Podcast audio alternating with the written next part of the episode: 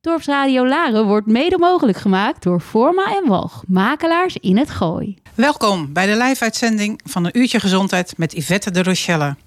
Elke dinsdag te beluisteren tussen 5 en 6 uur. Een programma over gezondheid, in de breedste zin van het woord. Waarbij alles wat met gezondheid te maken heeft, voorbij kan komen. Daarbij ga ik uit van een zo natuurlijk mogelijke insteek. In mijn programma Een Uurtje Gezondheid komen wekelijks een aantal vaste rubrieken voorbij. Deze worden aangevuld met muziek die door de gast van de week is uitgezocht. En de eerste rubriek is Mijn radiocolumn van de week. Daarna krijgt u het interview met de gast van de week. Dan krijgen we de vraag van een luisteraar. Want als u als luisteraar vragen heeft over uw gezondheid en u bent benieuwd wat voedingssupplementen voor u kunnen betekenen, dan kunt u uw vraag mailen naar dorpsradio gmail.com ter attentie van Yvette een uurtje gezondheid. Eén van die vragen zal ik dan anoniem behandelen tijdens de uitzending van de week erop. We hebben ook een quizvraag. En met die quizvraag kunt u leuke prijzen winnen. Ik vertel u daar straks meer over. Zoals gezegd wordt de muziek in een uurtje gezondheid uitgezocht door de gast in het programma.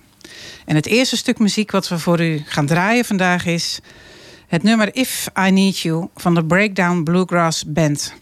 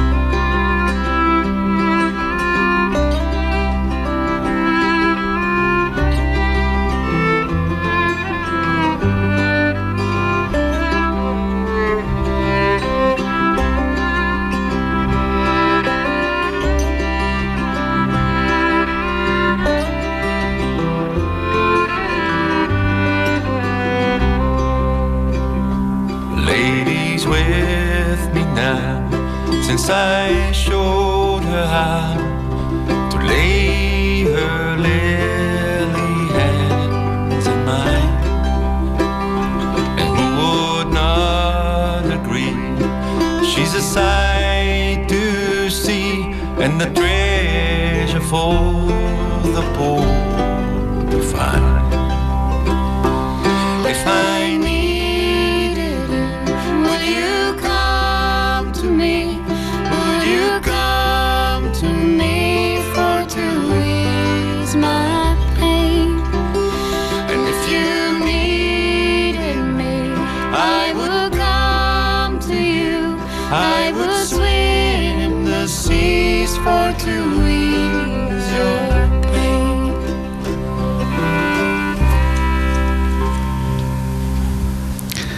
Dat was de Breakdown Bluegrass Band met If I Need You.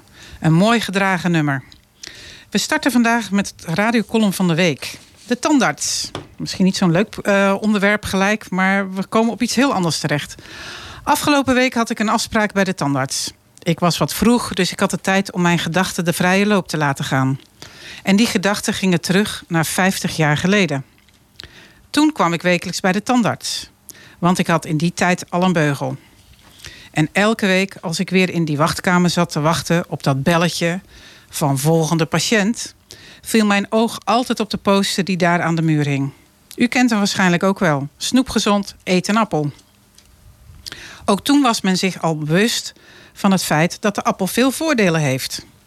Hij is sappig, verfrissend, doorslessend. Goed voor de hersenen, geheugen, cholesterol en de lijn. Volgens archeologen genieten mensen al sinds 6500 jaar voor Christus van deze fruitsoort. Appels waren zeer populair in de tijd van de Grieken en de Romeinen. Alleen was de appel, de smaak van de appel, 50 jaar geleden wel heel wat zuurder. Door teelt, het weer en selectie is de appel in 50 jaar tijd 50% zoeter geworden.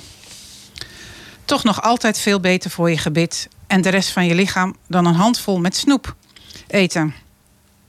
Want de appel is een belangrijke vorm van vezels. En daar worden uw darmen erg blij van. Ook bevat de appel een grote hoeveelheid antioxidanten. En daar wordt uw hele lichaam blij van. Maar waarom is die antioxidantenwerking nu zo belangrijk voor uw lichaam? Door luchtverontreiniging, zonlicht, straling, verkeerde voeding en nog veel meer ontstaat er in uw lichaam oxidatieschade. En die oxidatieschade gaat de juiste werking van uw cellen verminderen. Ik zal dat uitleggen met een eenvoudig voorbeeld. Als u een appel doormidden snijdt en één helft van de appel smeert u in met citroensap, dan zult u na enige tijd zien dat de helft van de appel die niet is ingesmeerd zal gaan verkleuren. Hij wordt bruin. Dat is het moment waarop de antioxidanten in de appel zijn uitgewerkt. En dat verkleuren is de oxidatieschade die ontstaat. En waarom verkleurt de met citroensap ingesmeerde helft dan pas veel later? Doordat de citroen, u snapt het al, veel antioxidanten bevat. Dit komt door de hoge concentratie vitamine C in de citroen. En wat is vitamine C? Inderdaad, een antioxidant. En die antioxidant heeft dus de cellen van de appel extra beschermd. En daarom is een appel heel erg goed voor uw gezondheid. En andere fruitsoorten dus ook. De poster Snoep Gezond, eet een appel hangt al heel lang niet meer in de wachtkamer van de tandarts. Maar de boodschap die men over wilde brengen, eet liever fruit dan snoep, is nog actueel. Maar dit inzicht is ook wereldwijd bekend, want u kent vast ook de uitdrukking: One apple a day keeps the doctor away.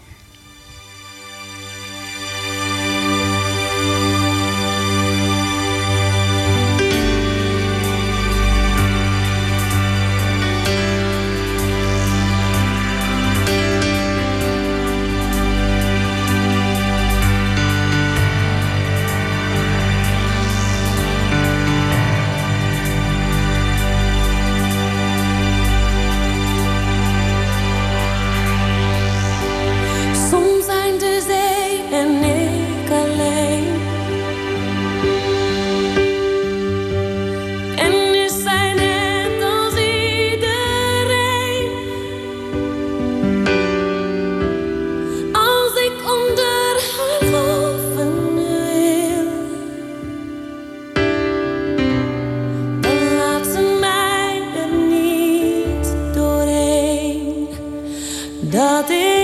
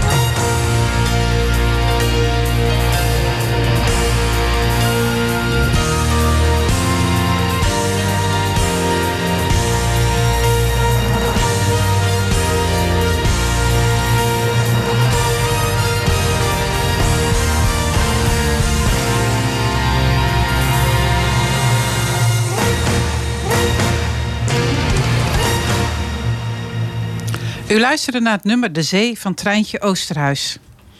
De quizvraag waar ik het eerder over had en waar u een mooie prijs mee kunt winnen, wordt straks aan het einde van het interview gesteld door mijn gast van vandaag, Edward van Ardenne.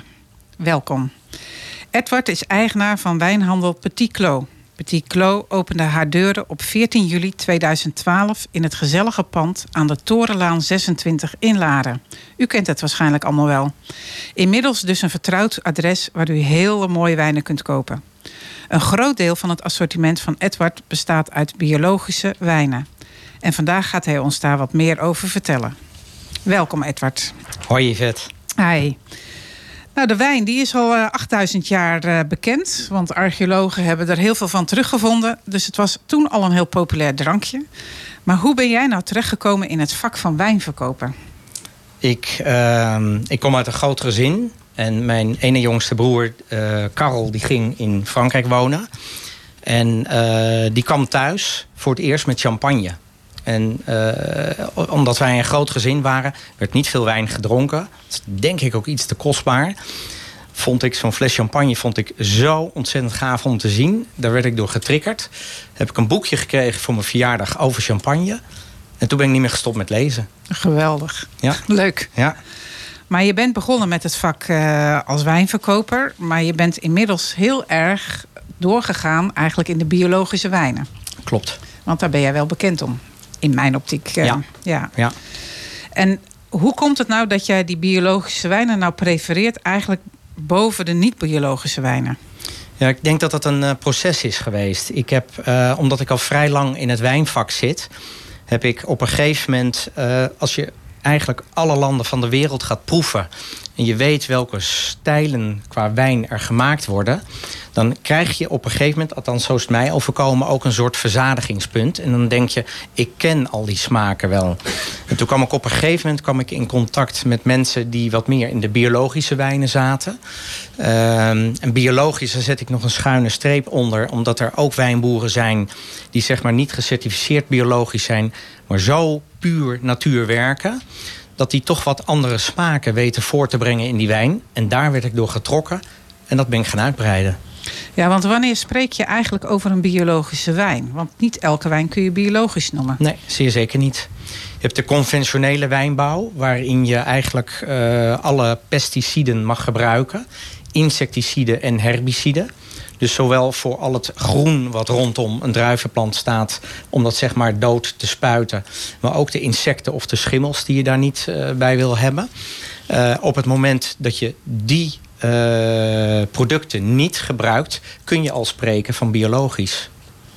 Dus dat is eigenlijk al vrij snel. Ja, ja. Maar volgens mij heeft die biologische wijnbouw ook een aantal voordelen ten opzichte van onder andere de kwaliteit van de grond waar de druivenstokken in staan. Klopt.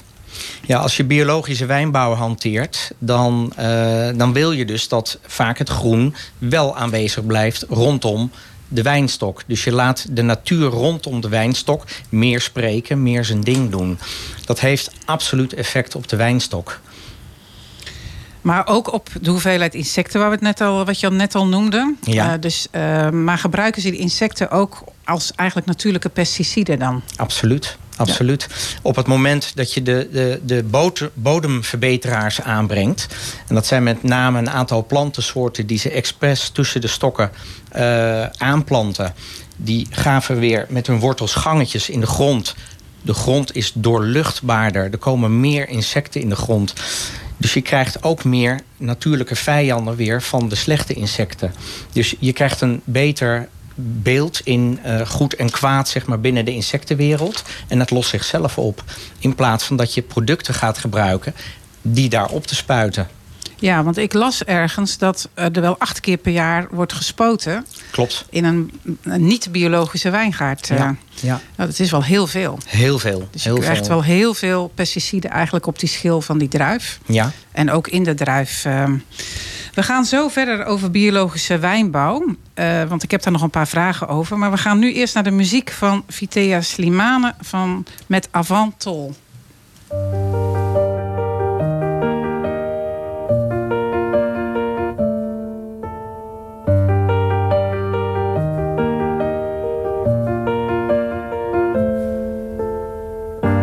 Avait pas d'image, y avait pas de couleur, y avait pas d'histoire, mon âme sœur. Y avait pas les fêtes, y avait pas le cœur, aucun sourire, mon âme sœur.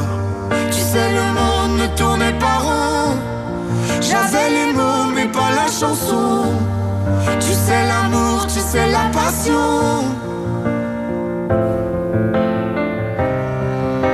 Oui, c'est écrit, c'était dit. Avant toi, je n'avais rien. Avant toi, on m'a pas montré le chemin. Je sais le ciel ne m'en veut pas d'avoir posé les yeux sur toi. Avant toi, on m'a pas montré le chemin.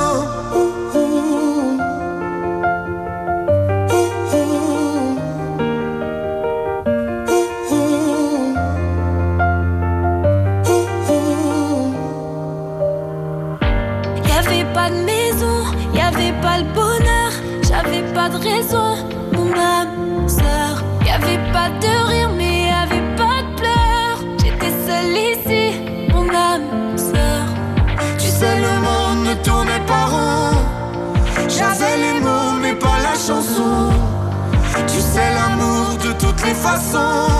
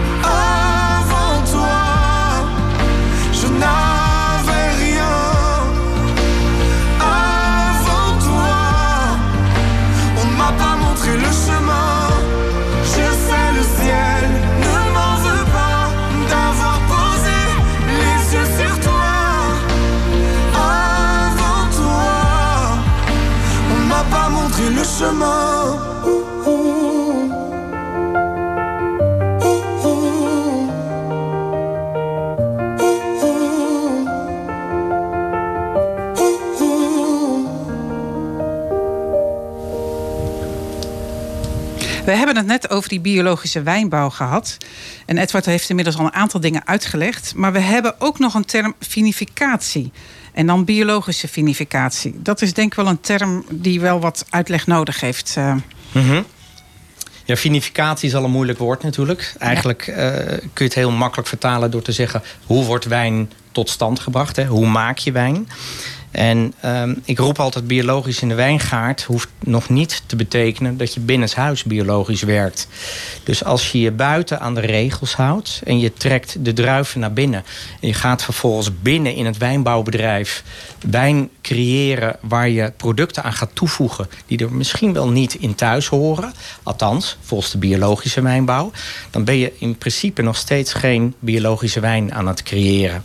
Dus daar, daar zit inderdaad een verschil in. Ehm, biologische vinificatie, daarmee wil ik zeggen... dat je het druivensap puur vergist... Je kunt daar gistsoorten aan toevoegen. En daar is niks mis mee. De gistbrocades maakt een ontzettende pluriforme... pluriformi- pluriformiteit, moet ik zeggen... van verschillende gisttypes. En met gist kun je smaakjes sturen. Dat is een natuurlijk product. Er zijn ook boeren die zeggen van ja, ook al gebruik ik een natuurlijke gist, eh, daarmee ga ik nog steeds de smaak sturen. En dat wil ik niet. Ik wil eigenlijk dat de druiven die van mijn stuk landbouwgrond afkomen, een zo goed mogelijke reflectie geven van de wijngaard. Oftewel, je gebruikt de natuurlijke gist die van nature, van nature op de druif zit.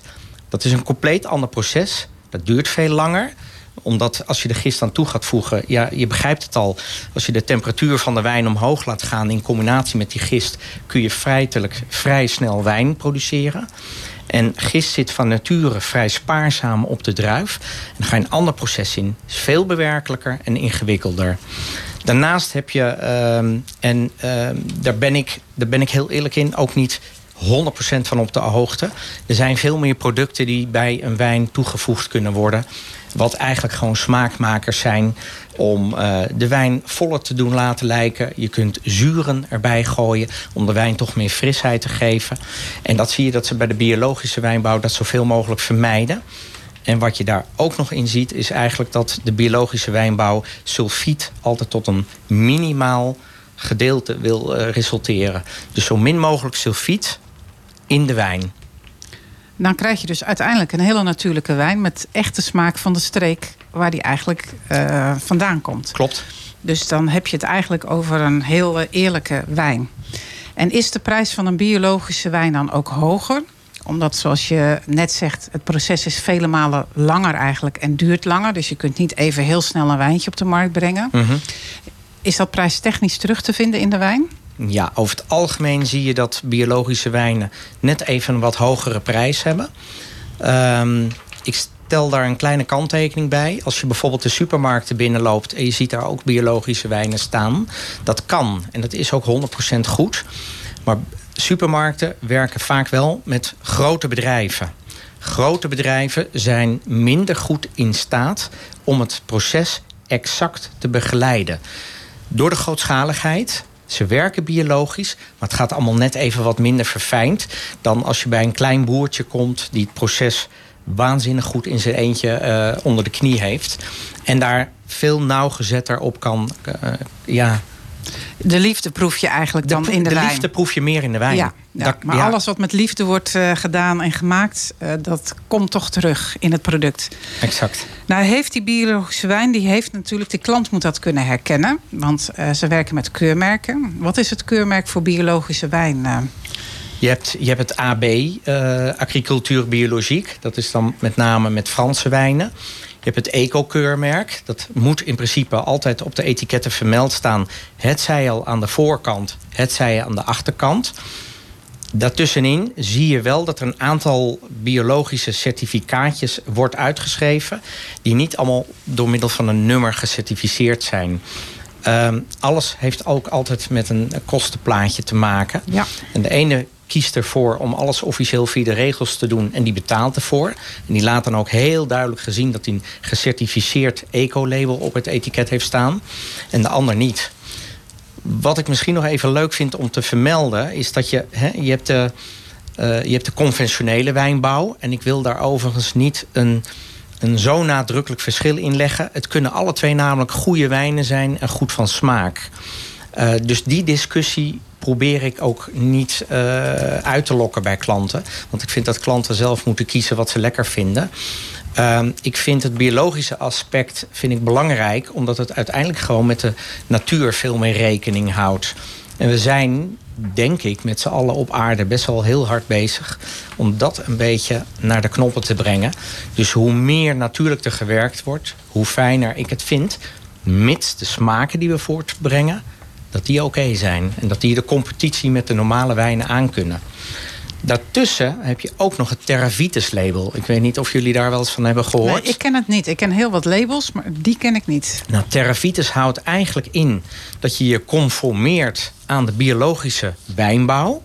Maar je maakt één uitzondering. Een biologische boer heeft het namelijk in de regel wat minder makkelijk dan een conventionele boer biologisch, je gebruikt een aantal producten niet.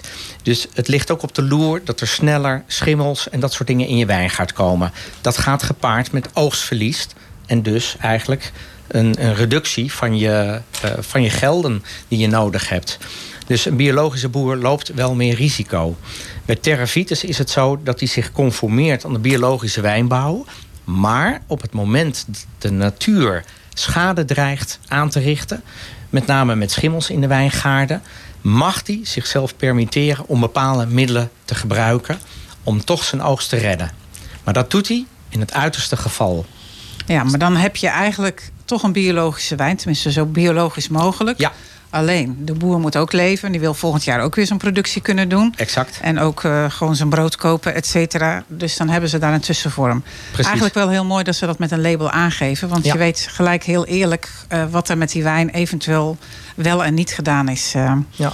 Nu heb je nog een andere groep wijnen. En dat zijn de biodynamische wijnen. Daar is ook een ander verhaal volgens mij zit daarachter. En mijn vraag is, kun je er iets over vertellen? En verkoop je die ook, uh, deze bio, biodynamische wijnen? Ja, klopt. Ik heb er een aantal. Het is ook niet overdreven veel. Want ook ik heb te maken met uh, prijs-kwaliteit verhoudingen. En dat mensen niet altijd bereid zijn de prijs voor een fles te betalen. Dus je moet daar secuur in zijn. Uh, biologisch dynamisch wil eigenlijk zeggen dat je je aan nog strengere regels conformeert. Um, je houdt sowieso rekening met wanneer doe je bepaalde handelingen in de wijngaard. De boer kijkt dus nog exacter naar de natuur. En wat, die, wat de natuur feitelijk voorschrijft, dan ga je planten, dan ga je snoeien. Dat zijn bottommomenten. Er zijn heel veel exacte momenten van de biologisch dynamische wijnkalender, laten we het even zo noemen. Uh, plus dat hij een negental pre preparaten gebruikt... die hij uit natuurlijke uh, bron haalt. Dat zijn namelijk kruiden die hij als een, een composthoop uh, echt bij elkaar brengt. Een zeer geconcentreerde mest daardoor gaat creëren. En dat met tijd en wijle op zijn wijngaard neerlegt... of in stukken wijngaard legt waar de wijngaard het moeilijk heeft. Dat is een heel nauwgezet procedé... En uh, het komt eigenlijk voort van de, de theorie de, van Rudolf Steiner uit de jaren 20. Die zich al inzette voor de, voor, uh, voor de biologisch dynamische verbouw van zowel groenten als, uh, als fruit. Ja, de antroposofische gedachtegang hebben we ja. het dan over. Ja. We gaan zo verder met een volgende vraag. Maar we gaan eerst luisteren naar muziek die je hebt uitgezocht. James Taylor met You Got a Friend.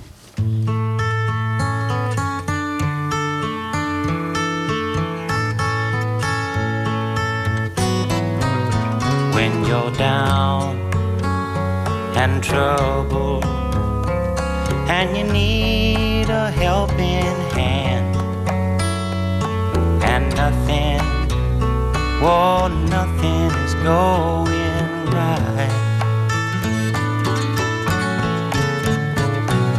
Close your eyes and think of me and soon I will brighten up even your darkest night. You just call up my name, and you know wherever I am, I'll come running. Oh, yeah, baby, to see you again.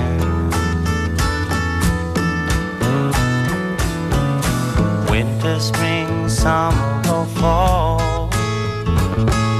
Now all you got to do is call, and I'll be there. Yeah, yeah, yeah. You've got a friend.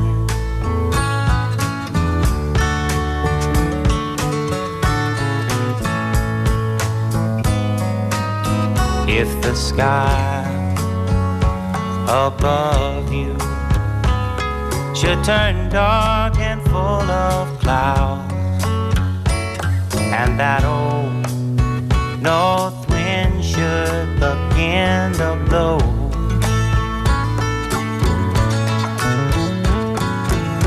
Keep your head together and call my name out loud now.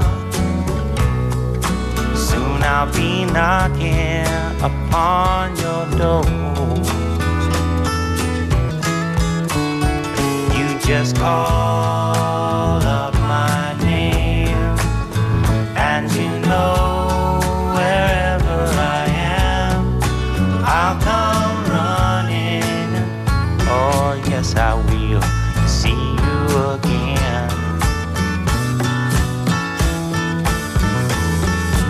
Winter, spring, summer.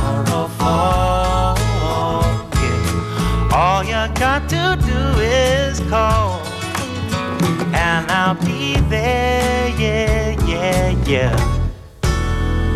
Hey, ain't it good to know that you've got a friend? People can be so cold, they'll hurt you and desert you. Well, they'll take your soul don't you let them. You just call out my name, and you know wherever I am, I'll come running to see you again. Oh, baby, don't you know about winter, spring, summer, got to do is call. Lord, I'll be there, yes, I will. Know you've got a friend. You've got a friend, yeah. Ain't it good to know you've got a friend? Ain't it good to know you've got a friend? Oh, yeah, yeah, got a friend.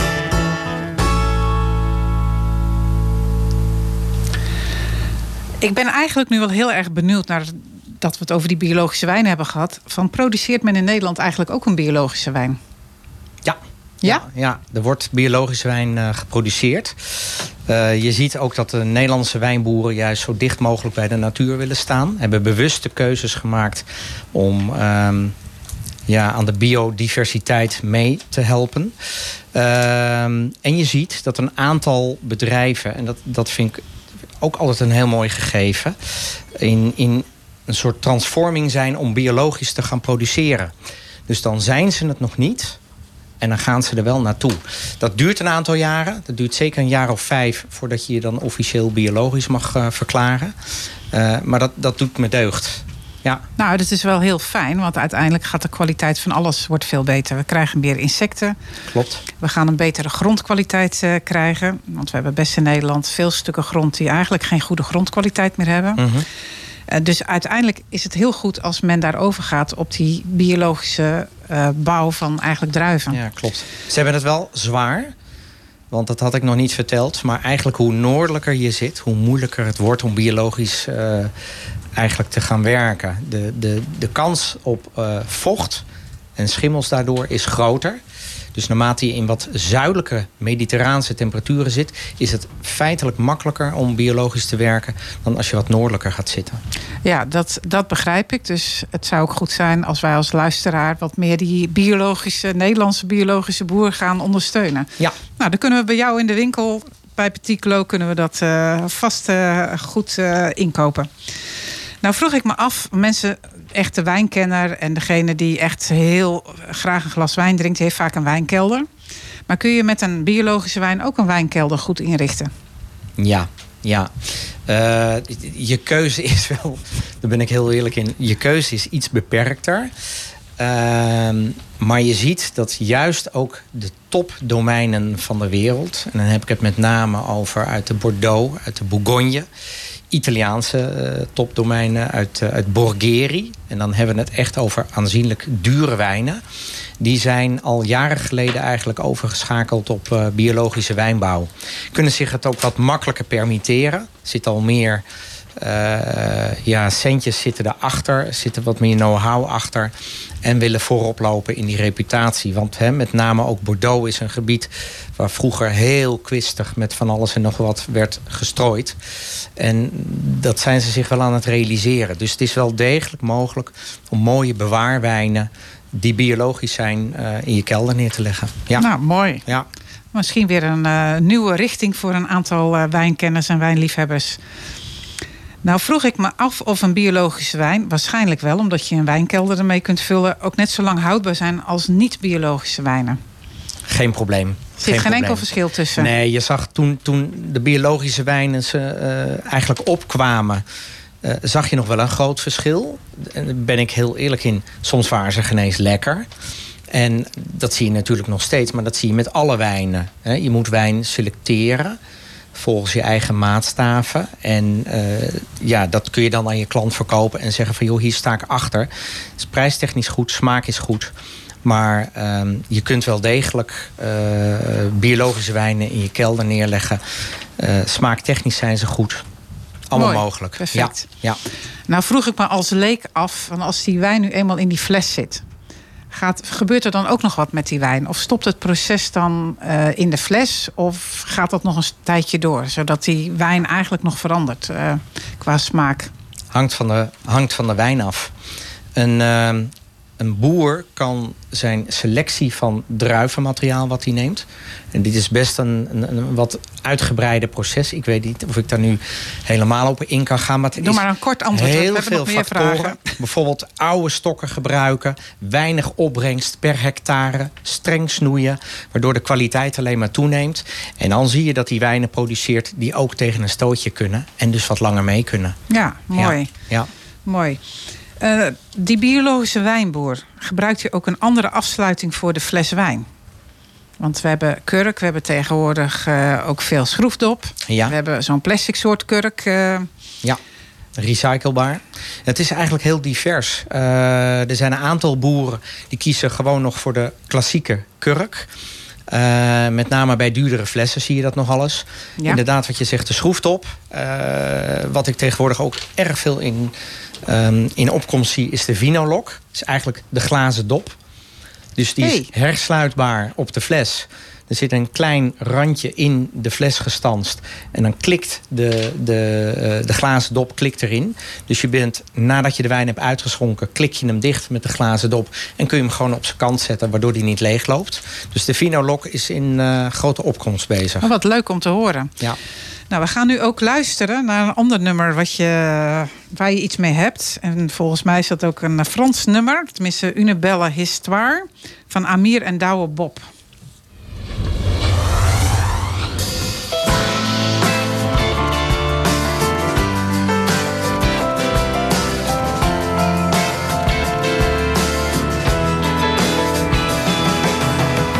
C'est un beau roman, c'est une belle histoire, c'est une romance d'aujourd'hui. Il rentrait chez lui là-haut dans le brouillard, elle descendait dans le midi, le midi. Ils se sont trouvés au bord du chemin sur l'autoroute des vacances. C'était sans doute un jour de chance. Ils avaient le ciel à portée de main, un cadeau de la Providence. Alors pourquoi penser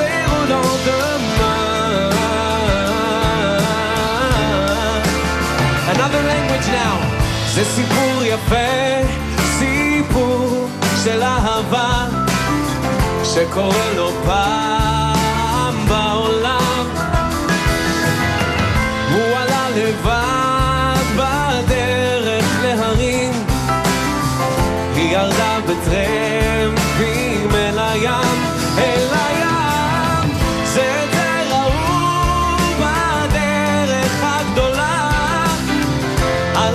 נפגשו השניים, זה היה מעשה שמיים, ידיהם נגעו ברוח השער, מתנה שנתן הטבע, אז מדוע לחשוב על המחר?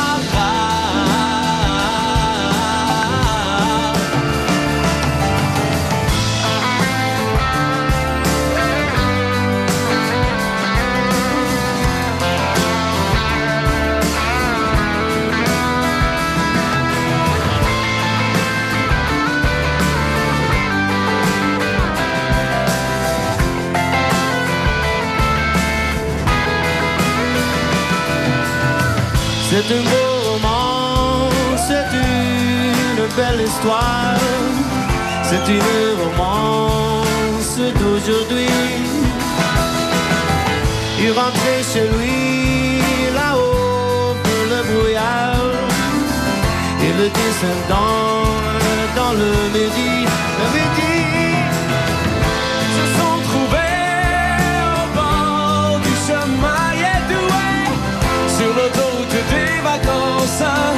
C'était sans doute un jour de chance.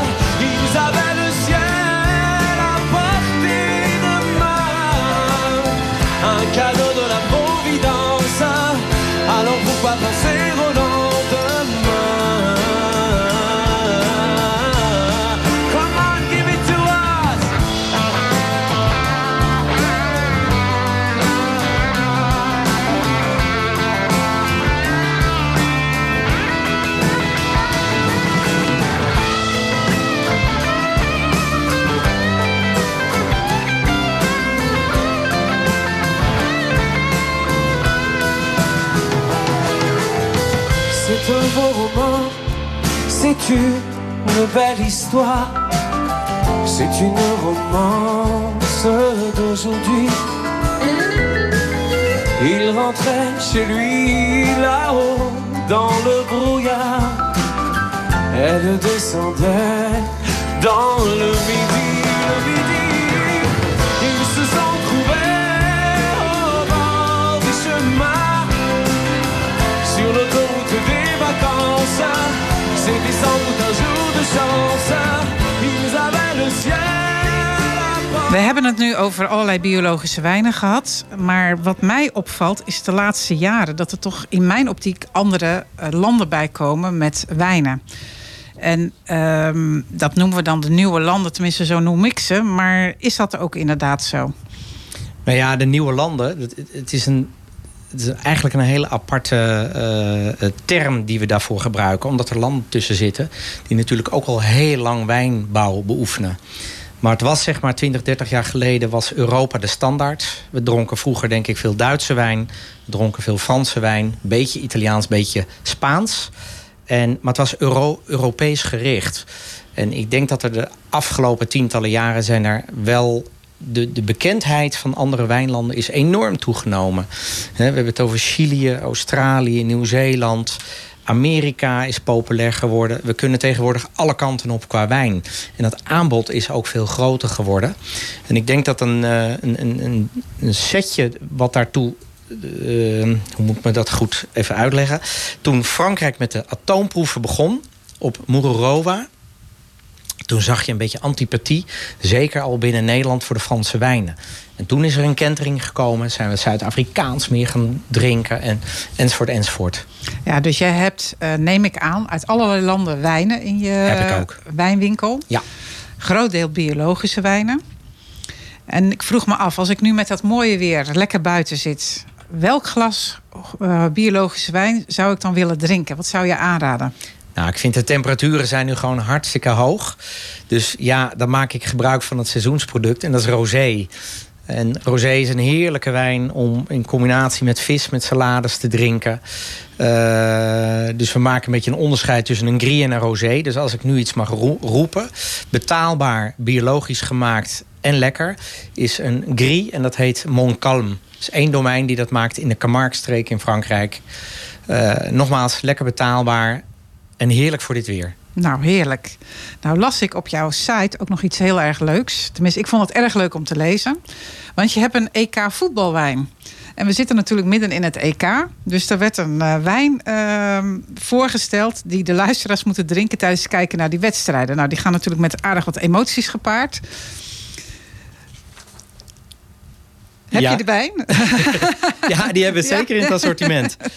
Dus eh, ja, we hebben inmiddels drie winkels. Dus eh, hij is bij alle drie de winkels te krijgen. Ja. En ik, eh, ja, ik, ik zou het alleen maar leuk vinden om eens nieuwe gezichten ook naar de winkels toe te hebben. Dus kom vooral langs om die wijn bij ons te proeven. We hebben hem openstaan. Je kunt terecht in Weesp, in Bussum en in Laren. dus welkom. Maar, maar zeker in Laren, want daar kunnen ze ook nog met jou ongelooflijk lang praten over biologische wijnen en de rest van de wijnen en het assortiment wat je hebt. Op de, ik moet even kijken naar je adres, want volgens mij is het Torenlaan 26 waar je zit. Klopt. Ja. Een gezellig pandje. U kunt er parkeren voor de deur. Dus dat is heel erg makkelijk. En nu hebben we nog één ding, want we gaan het interview nu af- afsluiten.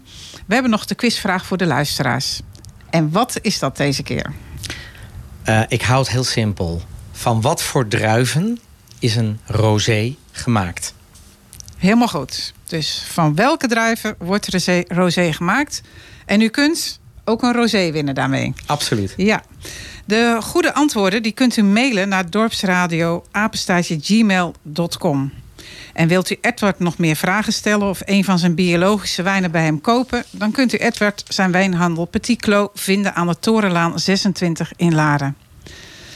Ik wil je heel erg hartelijk danken voor dit interview. We bedankt, hebben- Yvette. Ja, nou, ik vond het heel erg leuk dat je er bent. En u heeft van mij nog te goed de winnaar van de quizvraag van de vorige week. De vraag van vorige week was: noem een aantal natuurlijke ontstekingsremmers die kunnen helpen bij gewrichtsklachten. En dit zijn de stoffen kurkuma, boswellia, zwarte besblad en groenlipmossel. Degene die deze vraag juist heeft beantwoord is Erika de Vries. Erika, van harte gefeliciteerd. Het product kun je tijdens openingstijden ophalen in de winkel Hels Plus aan de Naardenstraat in Laren. En dan gaan we nu naar het volgende stuk muziek. Edward, kondig jij. Fleetwood Mac. Kijk eens aan. Iconische Sarah band. Sarah live.